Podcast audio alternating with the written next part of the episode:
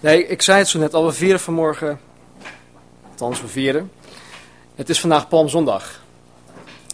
En dat is de laatste zondag voor de kruisiging van Jezus Christus. En in de evangeliën lezen we dat Jezus Jeruzalem binnenkwam, de rug van een ezel. Mensen legden palmtakken op de grond neer. Ze hulden hem als, als koning. En een aantal dagen later hadden dezelfde mensen hem gekruisigd. Nou, ondanks dat het vandaag Palmzondag is, uh, gaan we het vanmorgen niet specifiek hebben over de Lijdensweek van Jezus, ofwel de passie van Jezus Christus. Want zoals jullie weten zijn we momenteel bezig met een driedelige serie over het volharden in de leer van de apostelen. En vanmorgen ronden wij deze serie met deel 3 af. Nou, aanstaande vrijdag is Goede Vrijdag. En ook hiervoor geldt dat we geen aparte dienst zullen gaan houden. Dus we hebben geen aparte Goede Vrijdagdienst. Dat zullen we wel in de toekomst gaan doen, maar dit jaar nog niet. Waarschijnlijk volgend jaar beginnen we daarmee. Maar we vieren Pasen, aanstaande zondag. Dus kom. Nou, de afgelopen twee zondagen, in deel 1 en 2, keken we voornamelijk naar waarom wij de Bijbel horen te lezen, de Bijbel horen te bestuderen. Nou, vanmorgen gaan we kijken naar hoe wij het woord van God, de Bijbel, horen te lezen en te bestuderen. Nou, ik besef me heel goed, en ik besef me dat vooral tijdens de voorbereidingen, dat wij in deze drie delen maar een heel klein deeltje over dit onderwerp behandeld hebben. Maar een heel klein deeltje. Maar toch geloof ik dat God het wil en kan gebruiken om een ieder van ons te helpen. Om een ieder van ons te helpen om effectief met de Bijbel om te gaan. En voor zowel voor onszelf, maar ook om anderen daarbij te helpen. En ik denk dat dit voor ons, of misschien voor ons, ja, voor sommigen van ons, of voor ons allen, misschien de eerste stap is om ons daarbij te helpen. Ehm, al onze studies staan op onze website. Dus ehm, mocht, je, mocht je een deel of beide delen gemist hebben, kan je deze gratis online beluisteren of downloaden. Ik wil trouwens nog even iets zeggen over onze website. Um, ik kan de statistieken ook oproepen van het aantal bezoekers die we krijgen op de website. Wat is gedownload, welke pagina's um, opgeklikt zijn en, en, dat soort dingen.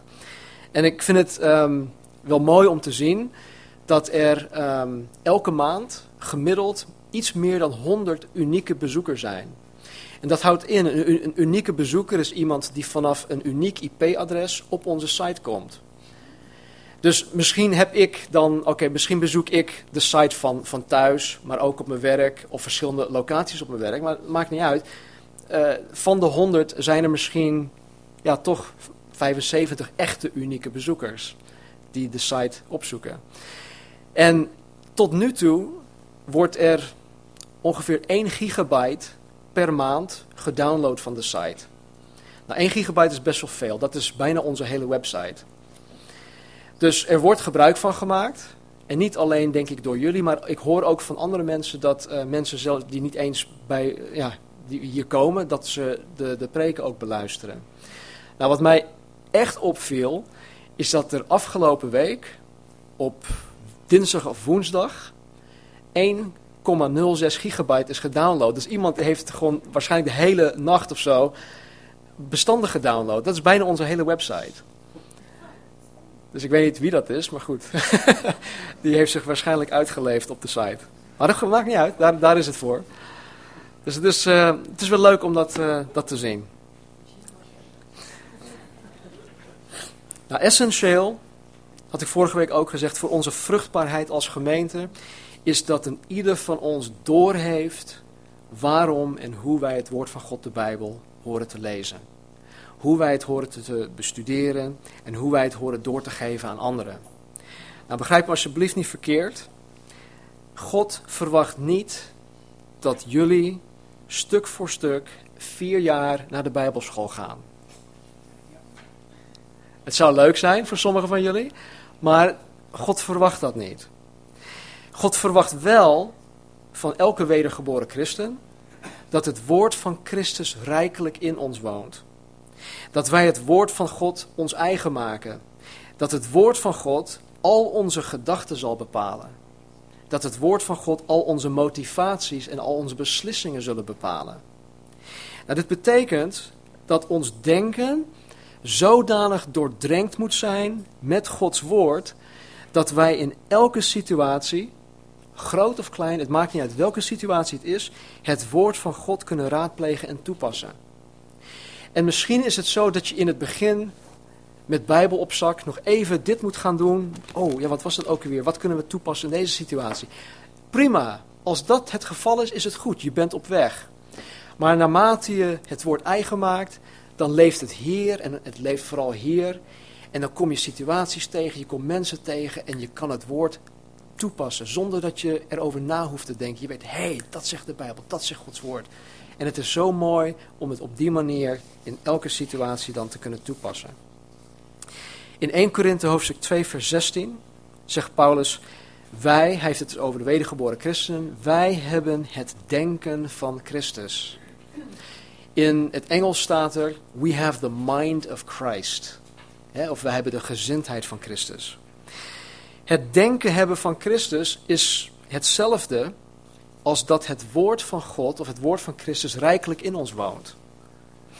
En dit is levensbelangrijk. Het is levensbelangrijk voor ons, maar het is ook levensbelangrijk voor anderen. Want als wij het denken van Christus niet hebben, dan moeten wij het elders gaan zoeken. Dan moeten wij genoegen nemen met menselijke wijsheid in plaats van de raad van God.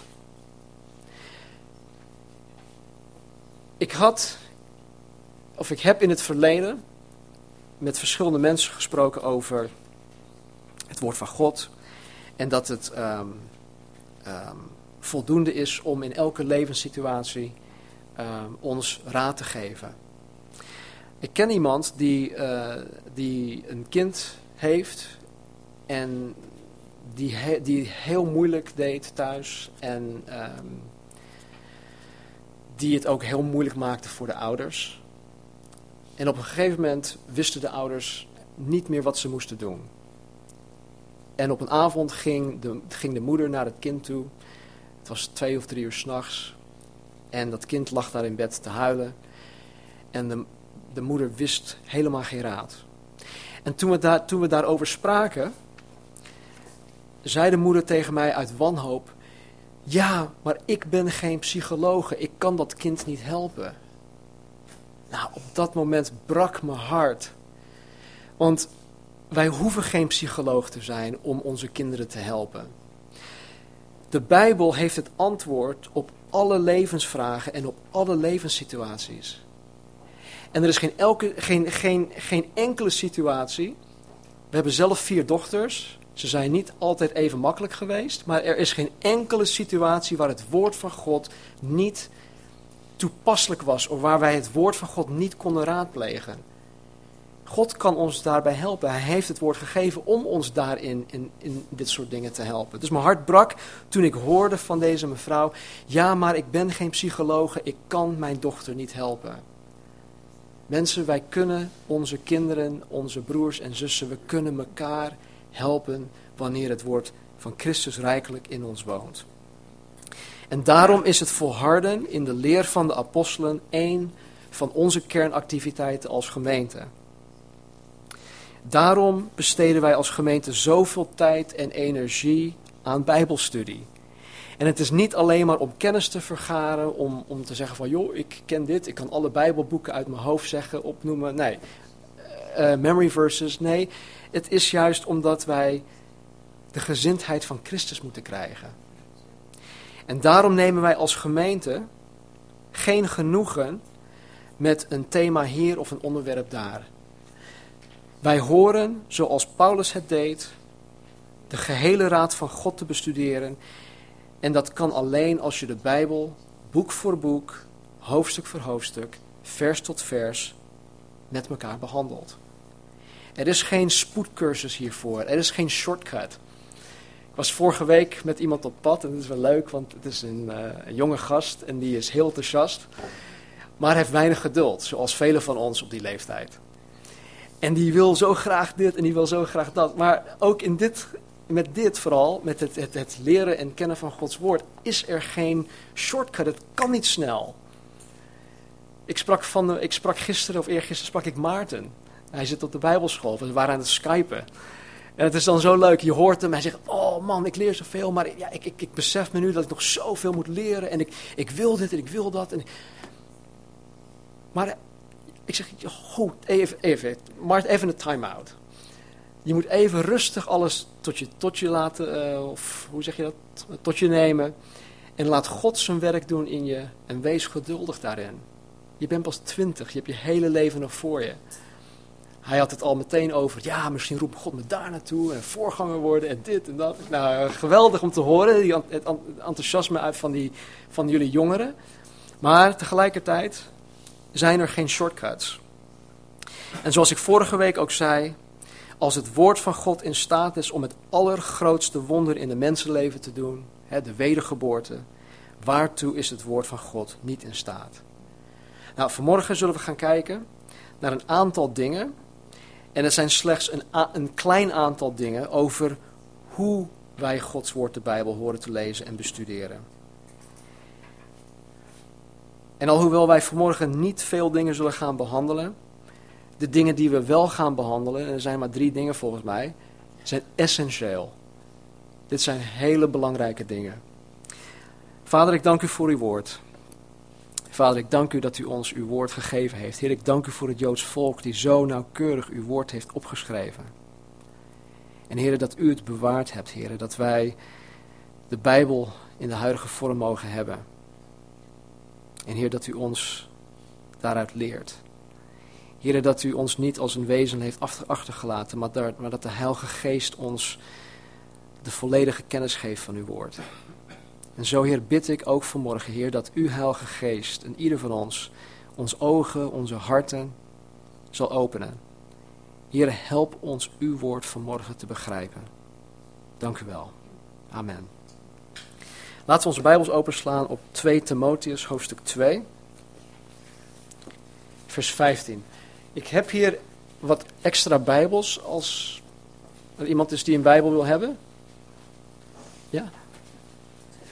2 Timotheus, hoofdstuk 2, vers 15. Het gaat vanmorgen alleen maar om één vers. 2 Timotheus, hoofdstuk 2, vers 15. Paulus schrijft hier aan de jonge voorganger die hij aangesteld heeft over de gemeente in Efeze. En hij geeft hem praktische instructies en hij geeft hem ook geestelijke instructies hoe hij zijn taak moet volbrengen. En over het woord gesproken in de context van een hoop valse leer die overal gebracht werd. Zoals we het vorige week ook hadden gezien in hoofdstuk 3 van dit, van dit, uh, dit boek. Uh, over de laatste dagen. Zullen we vandaag ook zien dat hij dit zegt in de context van uh, ja, dat, dat er een hoop dwaalleringen zijn. En dat hij zijn uiterste best moet doen. Hij zegt in hoofdstuk 2 vers 15. Doe uw uiterste best om uzelf wel beproefd voor God te stellen, als een arbeider die zich niet behoeft te schamen en die het woord van de waarheid rechtsnijdt. Nou, Paulus geeft ons hier instructies over hoe wij met de Bijbel om horen te gaan. En ten eerste zegt Paulus, doe uw uiterste best. Nou, in het Grieks betekent dit, doe je uiterste best. Er is, er is geen andere uitleg daarvoor. Het betekent dat we ons beijveren. Dat wij ons tot het uiterste inspannen. Nou, als je even teruggaat in het hoofdstuk in vers 3, in vers 4 en vers 6, gebruikt Paulus voorbeelden van een, uh, een goed soldaat van Jezus Christus. Hij gebruikt een voorbeeld van een, een, een topsporter en hij gebruikt een voorbeeld van een landbouwer of een boer, zoals wij dat noemen. Nou, als je als beroepssoldaat de strijd ingaat, dan moet je je uiterste best doen. Dan moet je je tot het uiterste inspannen om aan de ene kant de strijd te kunnen winnen en aan de andere kant jouw eigen overlevingskans te vergroten. Die twee die gaan natuurlijk samen. Maar goed, je moet, je moet het wel voor elkaar kunnen krijgen. En dat gebeurt niet zomaar. Het vergt inspanning, het vergt uh, je best doen. En het, is, het gaat niet alleen om je eigen overleving, maar ook van degene die in de strijd op jou rekenen. Als je daar in het veld bent, dan rekenen mensen op jou. En dit geldt niet alleen voor de strijd zelf, dat je je best moet doen, maar om überhaupt een beroepssoldaat te worden of te kunnen worden, moet je je uiterste best doen om zelfs door de selectie heen te komen. Nou, we hebben een jongen, uh, de oudste zoon van Angela, Hendrik, die, is, uh, die zit in de marechaussee. En hij, is, hij heeft net zijn uh, gekregen. Nou, niet gekregen, hij heeft het verdiend. Want je krijgt dat niet zomaar. En, als, en ik denk dat als we hem nu even naar voren hadden geroepen, hij is er niet trouwens, maar goed, als, we, als hij hier naast me stond en als we hem hadden gevraagd van joh, uh, hoe heb je dat ding gekregen? Wat gekregen? Ik heb het verdiend. Je wil niet weten hoe ik me moest inspannen om dat ding te krijgen. Dus uh, je, je moet je best doen. Je moet echt je uiterste best doen. En dat geldt ook voor topsporters. Pieter van de Hogeband, Nederlandse zwemmer, is de meest succesvolle mannelijke sporter in de Nederlandse geschiedenis. Wisten jullie dat? Naast twee gouden Olympische medailles behaalde hij ook vele Europese en wereldtitels. En tevens uh, werd hij tot drie keer uitgeroepen tot sportman van het jaar. Onze Pieter van de Hogeband. Nou, Pieter heeft dit niet kunnen bereiken zonder dat hij zijn uiterste best heeft gedaan. Zonder dat hij zich tot het uiterste ingespannen heeft. Denk aan onze boeren. Denk aan hoe hard zij werken. Denk aan hoe zij hun uiterste best doen. Hoe zij zich tot het uiterste inspannen om een goede oogst binnen te halen. Zodat wij kunnen eten. In al deze beroepen, in alle drie beroepen, soldaat, topsporter, boer, hoort men zijn of haar uiterste best te doen om succesvol te zijn. En Paulus riep Timotheus op en roept ons ook op om ons uiterste best te doen, om ons tot het uiterste in te spannen, kortom, om gewoon hard te werken. Hij roept ons op om hard te werken. Maar waarin horen wij ons uiterste best te doen? Waarin horen wij ons hard of, ja, te werken? Om onszelf wel beproefd voor God te stellen. Dit betekent simpelweg dat wij ons uiterste best moeten doen om Gods goedkeuring te krijgen. En dan gaat het hier niet om of wij nou wel of niet goed genoeg zijn om gered te worden. Dat is een heel ander verhaal. Want geen van ons is goed genoeg om gered te worden. Het is uit genade alleen. Maar het gaat hier dus wel om hoe wij, nadat wij wedergeboren zijn, omgaan met Gods woord. Hoe wij omgaan met de Bijbel. Het is ook heel persoonlijk.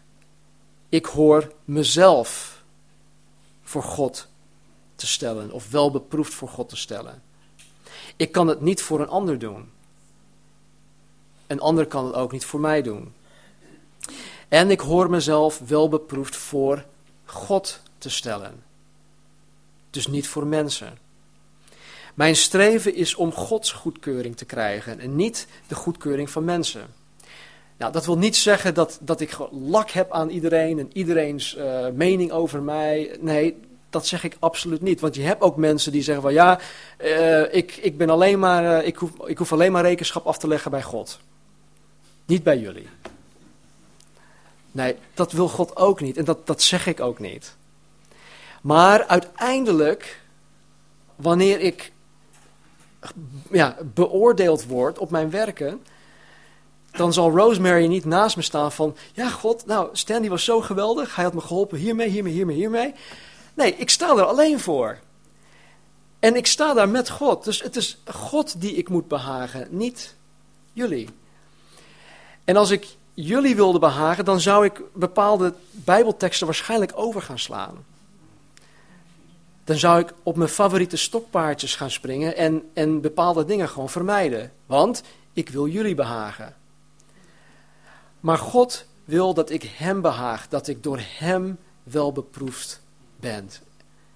Dat ik, door, dat ik zijn goedkeuring krijg.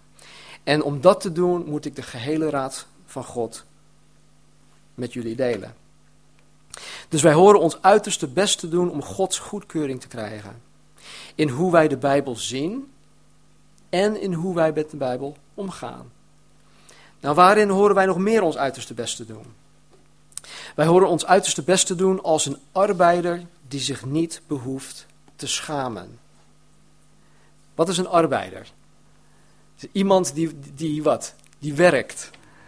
Een arbeider is iemand die werkt. Dit impliceert dat wij als christenen ons horen in te spannen. Wij horen ervoor te werken. En nogmaals, we komen niet in de hemel door goede werken te doen, maar dat wij in de hemel komen, zal ons tot goede werken leiden. Het impliceert dat het dienen van God geen vrije tijdsbesteding besteding is, maar dat het werk is, hard werk zelfs. Het is heel gênant als je je werk slordig doet en het wordt vervolgens nagekeken door je baas. of als je een spreekbeurt op school moet doen, of als je een presentatie moet geven en je bent er niet goed op voorbereid. Dan sta je daar, en ik weet, jullie hebben het vast ooit meegemaakt, dan sta je daar, je bent niet goed voorbereid of het is slordig voorbereid. En ineens voel je je gezicht en je oren warm worden. Je ziet het zelf niet, maar je weet gewoon dat je met zo'n kop voor de groep staat. Je bent aan het blozen. We kennen allemaal wel, denk ik, dat schaamtegevoel. Van het niet goed genoeg gedaan hebben of niet goed voorbereid zijn. Nou, de Bijbel leert ons in 2 Korinthe hoofdstuk 5 vers 10 dat wij als christenen één keer eens, ooit, voor de rechterstoel van Christus komen te staan en dat al onze werken door Jezus Christus beoordeeld zullen worden. Dit zou geen goed moment zijn om te blozen. Dat garandeer ik je. Dat ons werk door de Heer, door Jezus beoordeeld zal worden, moet voldoende reden zijn om ons te motiveren om ons uiterste best te doen voor de Heer. En zodat wij ons niet hoeven te schamen wanneer Hij ons werk beoordeelt. Maar dat wanneer Hij naar ons kijkt en ons beoordeelt, zegt Hij van, oh geweldig, super, je hebt geweldig gedaan. En we hadden het vanmorgen ook over een kroon. Bert haalde iets aan over een kroon. We zullen een kroon ontvangen. Stel je voor dat je in de hemel rondloopt met een muts. Oh, je hebt, je hebt zeker niet goed je werk gedaan. Nou, dat zal niet gebeuren, maar goed. Een beetje om het idee duidelijk te maken. Waarin horen wij nog meer ons uiterste best te doen? Om het woord van de waarheid recht te snijden. En dit, dit, het woord rechtsnijden, is uiteindelijk waar het vandaag om gaat. Dit is uiteindelijk hetgeen waar deze tekst om draait. In de context van deze brief schrijft Paulus dit aan Timotheus, aan een voorganger van een gemeente. En dus hoort Timotheus zich te beijveren, zich in te spannen. Timotheus hoort zijn uiterste best te doen. Hij hoort keihard te werken om het woord van God recht te snijden. Dus Paulus schrijft dit directly ook aan mij als voorganger. Ik hoor me ook te beijveren, in te spannen, mijn uiterste best te doen. Ik hoor keihard te werken om het woord van God recht te snijden. Als voorganger was het voor Timotheus noodzakelijk om te weten, en dat geldt ook voor mij, om te weten wat de Bijbel wel bedoelt en wat de Bijbel niet bedoelt hoe de Bijbel wel geïnterpreteerd moet worden en hoe de Bijbel niet geïnterpreteerd moet worden. Wat de Bijbel ons wel leert en wat de Bijbel ons niet leert. Dit klinkt misschien heel simpel, maar helaas ligt dat niet zo simpel. Het is niet zo eenvoudig. Misschien denk je, ja, hallo Sten, elke voorganger weet dit toch?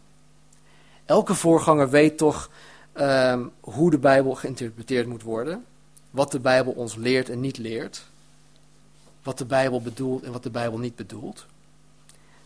Nou, nee. Niet iedereen weet dat. Anders zou het niet in de Bijbel staan. Als dit vanzelfsprekend is, dan zou Paulus dit niet aan Timotheus en aan mij en aan ons hebben geschreven.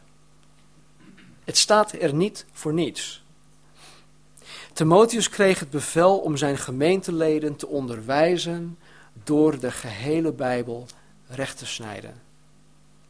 Het rechtsnijden betekent hier dat Gods woord op de rechte of de juiste wijze uiteengezet wordt, zodat er niet van de waarheid afgeweken wordt. Nou, dit is levensbelangrijk. Dit is levensbelangrijk, want bij ons in de gemeente gaat het om de zielen van mensen. Het gaat om het geestelijk welzijn van Gods kinderen. Bij ons gaat het om de eeuwigheid. Charles Spurgeon, dat is een, uh, een predikant. In het Engels noemen ze hem de Prince of Preachers van de 19e eeuw. En hij zegt dit over dit onderwerp. Een zwaard, hè, een zwaard is bedoeld om te snijden, te hakken, te verwonden en te doden. En het woord van de waarheid is bedoeld om de harten van mensen te doorboren en hun zonde te doden. Het woord van God wordt niet toevertrouwd aan Gods dienstknecht om anderen daarmee te amuseren met hoe het glinstert. Ook niet om mensen te charmeren met de edelstenen in haar handvat, maar om de zielen van mensen te winnen voor Jezus Christus. Als het rechtsnijden van Gods woord betekent dat het op een rechte, juiste wijze uiteengezet wordt, dan betekent, en ik noem het maar even, het foutsnijden, dat de Bijbel op een onrechte of onjuiste manier uiteengezet wordt, zodat er wel van de waarheid afgeweken wordt.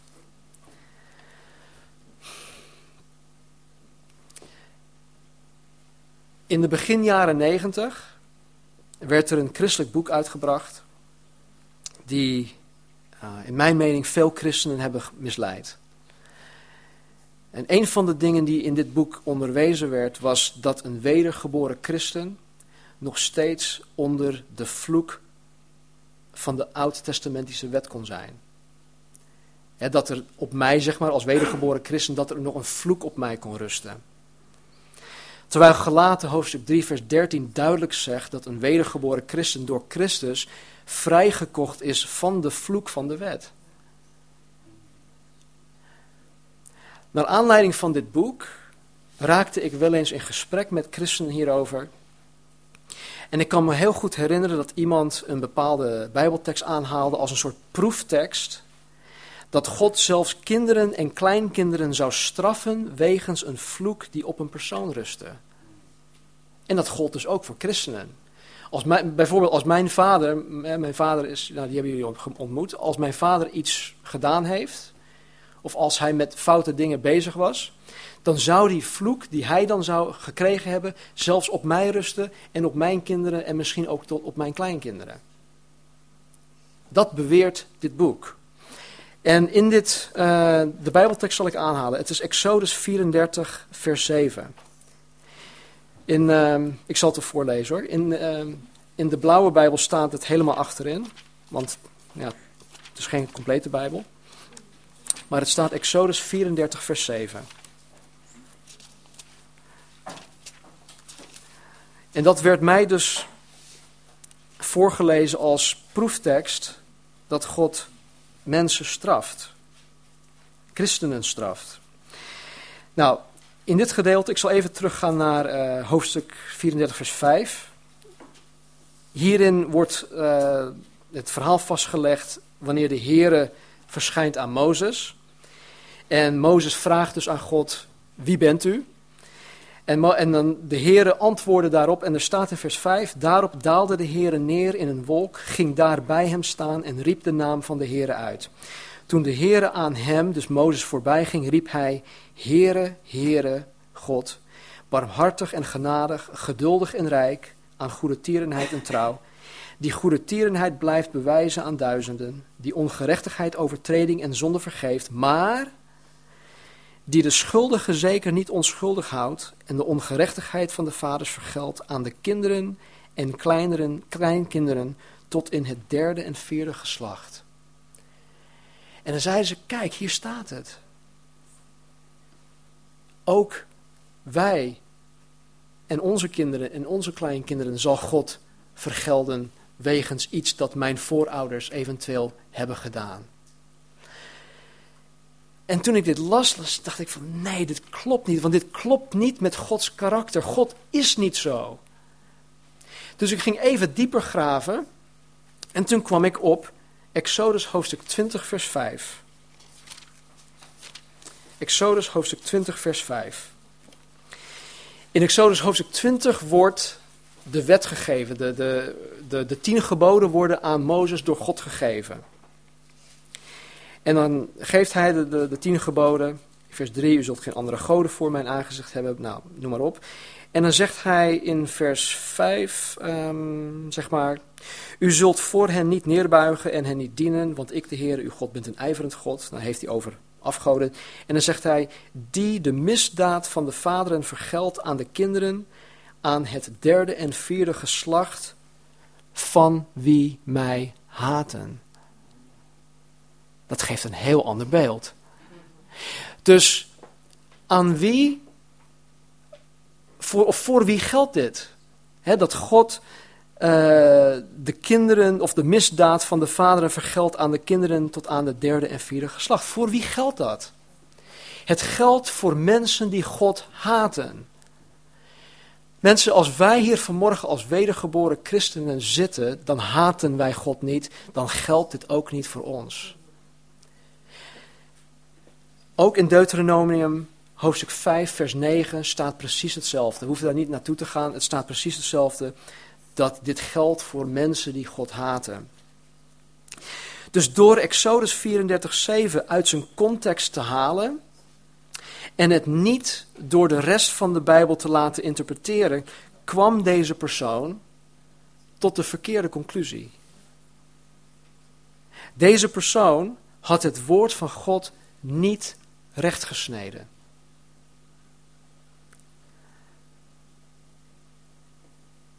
Wat ik ook meemaak van tijd tot tijd, is dat wanneer ik mensen confronteer met Gods woord, en dan begrijp niet verkeerd, het is niet van en de Bijbel dit en de Bijbel dat. Nee, het is gewoon een normaal gesprek, rustig. Uh, maar goed, Gods woord is soms confronterend.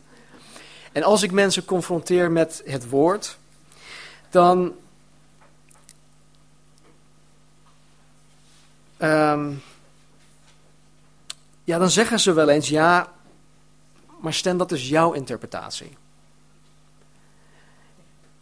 Ik zie dat toch anders. Ik interpreteer dat anders. Met andere woorden zeggen ze: we kunnen nooit 100% zeker zijn van wat de Bijbel hiermee bedoelt. Dus beoordeel mij alsjeblieft niet aan de hand van jouw interpretatie van deze Bijbeltekst. Dat is lekker makkelijk. Dan ontkomen we alle, alle dingen. want ik kan de Bijbeltekst lezen van, oh nee dat, nee, dat geldt niet voor mij. Dat, is, nee, dat interpreteer ik anders. En dat komt, dat komt al te vaak voor. Dit soort mensen geloven dus dat wanneer je een groep christenen bij elkaar brengt, zoals hier, en je laat hun een Bijbeltekst lezen, dat meerdere interpretaties mogelijk zijn. Heeft God het zo bedoeld? Dat we allemaal onze eigen interpretatie van een Bijbeltekst krijgen? Ik denk niet. Dit is absoluut niet Gods bedoeling. De Bijbel leert mij niet wat ik wil dat het mij leert, op basis van wat ik denk of wat ik vind, maar de Bijbel leert mij wat God mij wil leren. En daarom is het rechtsnijden van Gods woord zo belangrijk. om erachter te komen wat God mij wil leren. Dus door de Bijbel een interpretatie te geven waarmee wij het beste kunnen leven, of misschien wat goed voelt, waarmee ik in mijn comfortzone kan blijven, is het woord van God fout snijden, niet recht snijden. Elke Bijbeltekst moet in de context waarin het geschreven staat geïnterpreteerd worden. En het moet overeenkomen met de gehele boodschap van de Bijbel. Om een voorbeeld te noemen. We hebben het de laatste tijd met de jongeren over eschatologie, hè, eindtijd. En er zijn in principe drie verschillende gedachten over de opname van de gemeente. Er is de pre-trib gedachte. Dat betekent dat de gemeente voor de grote verdrukking opgenomen wordt. Er is de mid-trib gedachte. Dat betekent dat de kerk halverwege door de grote verdrukking gaat en dan halverwege opgenomen wordt door Jezus. En er is de post-trib gedachte. Die leert dat de kerk, de gemeente, door de grote verdrukking heen gaat. Dus alles wat in openbaring staat. En dan pas wordt de kerk opgenomen. Nou, ik geloof, Calvary Chapel gelooft in de pre-trib openbaring of opname van de gemeente. Want dat komt overeen met heel veel bijbelteksten goed, maar het komt ook overeen met het hart van God. Het karakter van God.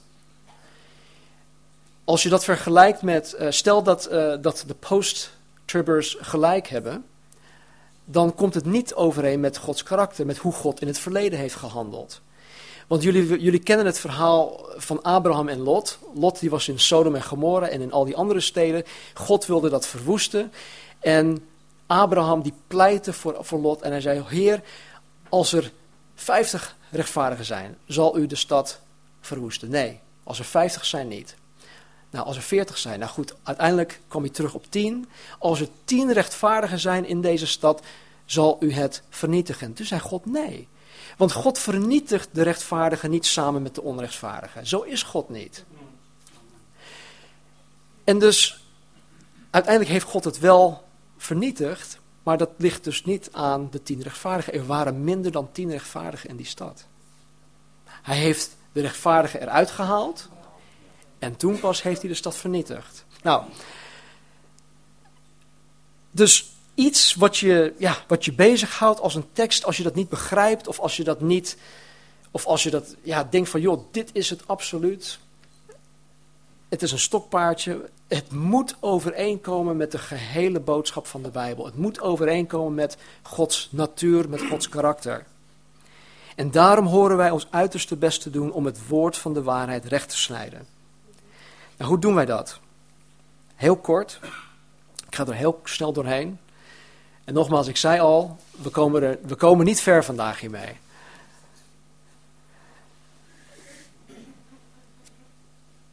De eerste, of het eerste punt, eh, hoe we dat doen, is terug te vinden in 2 Petrus, hoofdstuk 1, vers 20. Daar staat, dit moet u allereerst weten, dat geen enkele profetie van de schrift een eigenmachtige uitleg toelaat.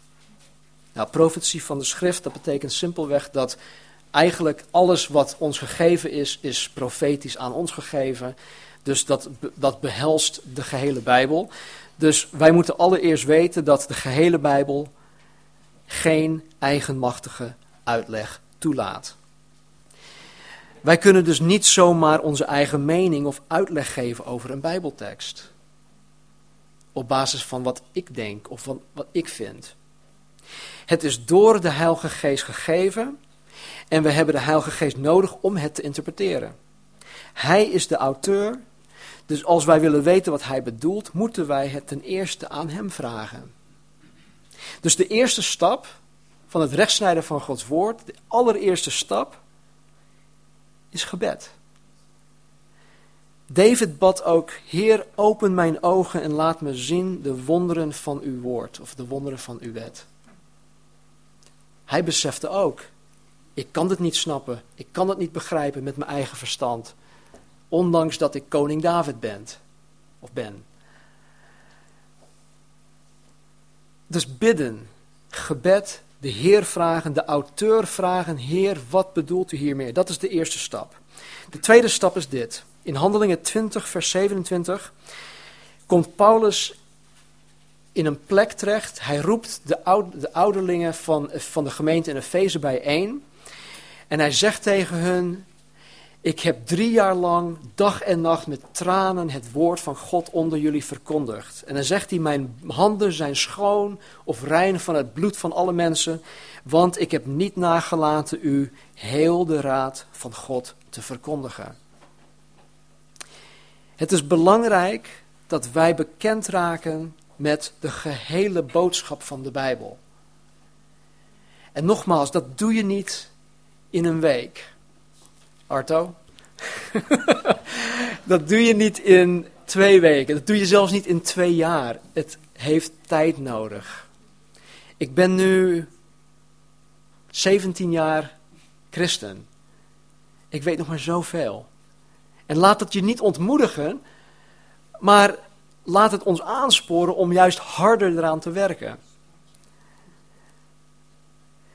Dus wij moeten bekend raken met de gehele boodschap van de Bijbel. Want als wij dit niet doen, picture this, dan is het net alsof vijf blinden rondom een olifant staan. Er staat hier een gigantische olifant, er staan vijf blinden om hem heen. En ze mogen niet bewegen, nee, één die zit boven op zijn hoofd. De ander, die mag aan zijn slurf pakken, voelen. Een ander staat aan zijn staart te trekken en een ander die mag iets met zijn voet doen. Nou, als je alle vijf afzonderlijk vraagt van, joh, wat is een olifant? Wat zullen ze zeggen? De een zegt, ja, het is een lang krullerig ding met haartjes. Een ander zou zeggen, nou ja, het is iets groots waarop je kan zitten. Dat, ja, het beweegt, het leeft. Een ander zou zeggen, ja, nou, het, nou ja, het lijkt wel een, boom, een boomstam met, dat, dat beweegt. Ander zou zeggen, ja, het is een, ja, een heel raar ding. Het beweegt en het is versterkt en het wil me optillen en nou, noem maar op. Dus voor een ieder van hun is in hun beleving een olifant weer iets anders. Volg je mij of niet? Oké. Dus om een olifant te kunnen omschrijven, moet je een olifant in het geheel zien. Dan zie je, oh, dat is een mooi, mooi dier. Het is een groot dier. Met een slurf, met een staart, met grote oren. En het is ook zo met de Bijbel. Wij moeten de Bijbel in het geheel zien. Anders komen we er niet. Dus de tweede stap in het rechtsnijden van de Bijbel is de Bijbel in het geheel door te lezen. En niet in één keer, of niet één keer in je leven, maar gewoon door blijven lezen. Ik weet van Bert en Thea dat, zij, uh, dat ze net na hun bekering, of bij hun bekering, dat ze hadden besloten om elke dag, elke ochtend, de dag te beginnen met de Bijbel doorlezen. Nou, hoeveel keer zijn jullie al door de Bijbel heen gegaan? Nee, ontelbaar. Maar meerdere malen hè, in de afgelopen twintig jaar, zeg maar. Nou, dat is dus ook de bedoeling. Dat je gewoon begint, eindigt, nou, begin weer opnieuw. Chuck, Chuck Smith, onze voorganger in de States, die is al in 40 jaar tijd, is acht keer door de hele Bijbel heen gegaan met zijn gemeente. Wij zijn pas halverwege door handelingen. En dus om het een beetje in het juiste perspectief te plaatsen, mensen, we hebben geduld nodig. Wisten jullie dat je de gehele Bijbel door kan lezen in 70 uur? In 70 uur kan je de gehele Bijbel doorlezen. Nou, dan moet je het wel doorlezen en nergens bij stilstaan en op mediteren. Dat is ook wel zonde. Maar je kan het doorlezen en je zal dingen tegenkomen. En dus bepaalde dingen blijven ook hangen. Dan zal je de verbanden ook zien. Tussen Oud Testament, Nieuw Testament, de kleine profeten, de grote profeten. En hoe dat tot uiting komt in het Nieuw Testament. Je zal alles, alle verbanden zal je tegenkomen en, en, en zal je die leren. Dus het is belangrijk dat de, we de hele Bijbel zien. Het derde, de derde stap is terug te vinden in Deuteronomium 6, vers 6 tot 9. Ik zal het voorlezen. God geeft de Israëlieters, zegt dat goed? Ja? De kinderen van Israël de wet. En dan geeft hij de opdracht aan Mozes. Hij zegt: Deze woorden dus het Oud Testament, die ik u nu gebied, moeten in uw hart zijn. U moet ze uw kinderen inprenten en erover spreken als u in uw huis zit en als u over de weg gaat, dus als u onderweg bent ergens. In onze context zou het zijn op de trein, in de bus, noem maar op. Als u neerligt en als u opstaat. U moet ze als een teken op uw hand binden. Spiekbriefjes, jongens. U moet ze als een voorhoofdband tussen uw ogen zijn. In dit geval zou het een iPod kunnen zijn of een MP3-speler. U moet ze op de deurposten van uw huis en op uw poorten schrijven. Zo belangrijk acht God zijn woord. Dat we het overal zien. Dat we er altijd mee bezig zijn. Elke wedergeboren christen, vooral de voorgangers, moeten hun uiterste best doen. Moeten zich tot het uiterste inspannen. Moeten keihard werken om de Bijbel recht te snijden. Het komt niet vanzelf. En alhoewel een volkomen kennis en begrip van de Bijbel voor de mens onmogelijk is, want niemand heeft alle wijsheid in, in pacht, horen wij desalniettemin er hard aan te werken. Dat verwacht God van ons, dat we ons inspannen, dat we ons uiterste beste, best zullen doen. Ik heb vandaag een aantal kleine dingetjes genoemd. Dit is de eerste aanzet. Ik denk dat wanneer we de bungalow gaan gebruiken, dat we waarschijnlijk ook uh, een cursus zullen gaan geven over dit onderwerp. Maar voor nu, um, laten we bidden.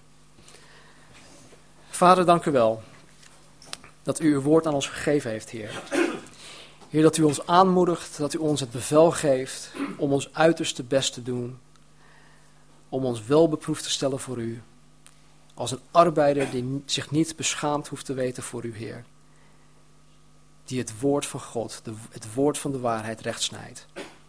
En Heer, ik weet dat we slechts een aantal dingen hebben, een klein aantal dingen hebben behandeld. Maar Heer, uw woord zal nooit en te nimmer ledig tot u wederkeren.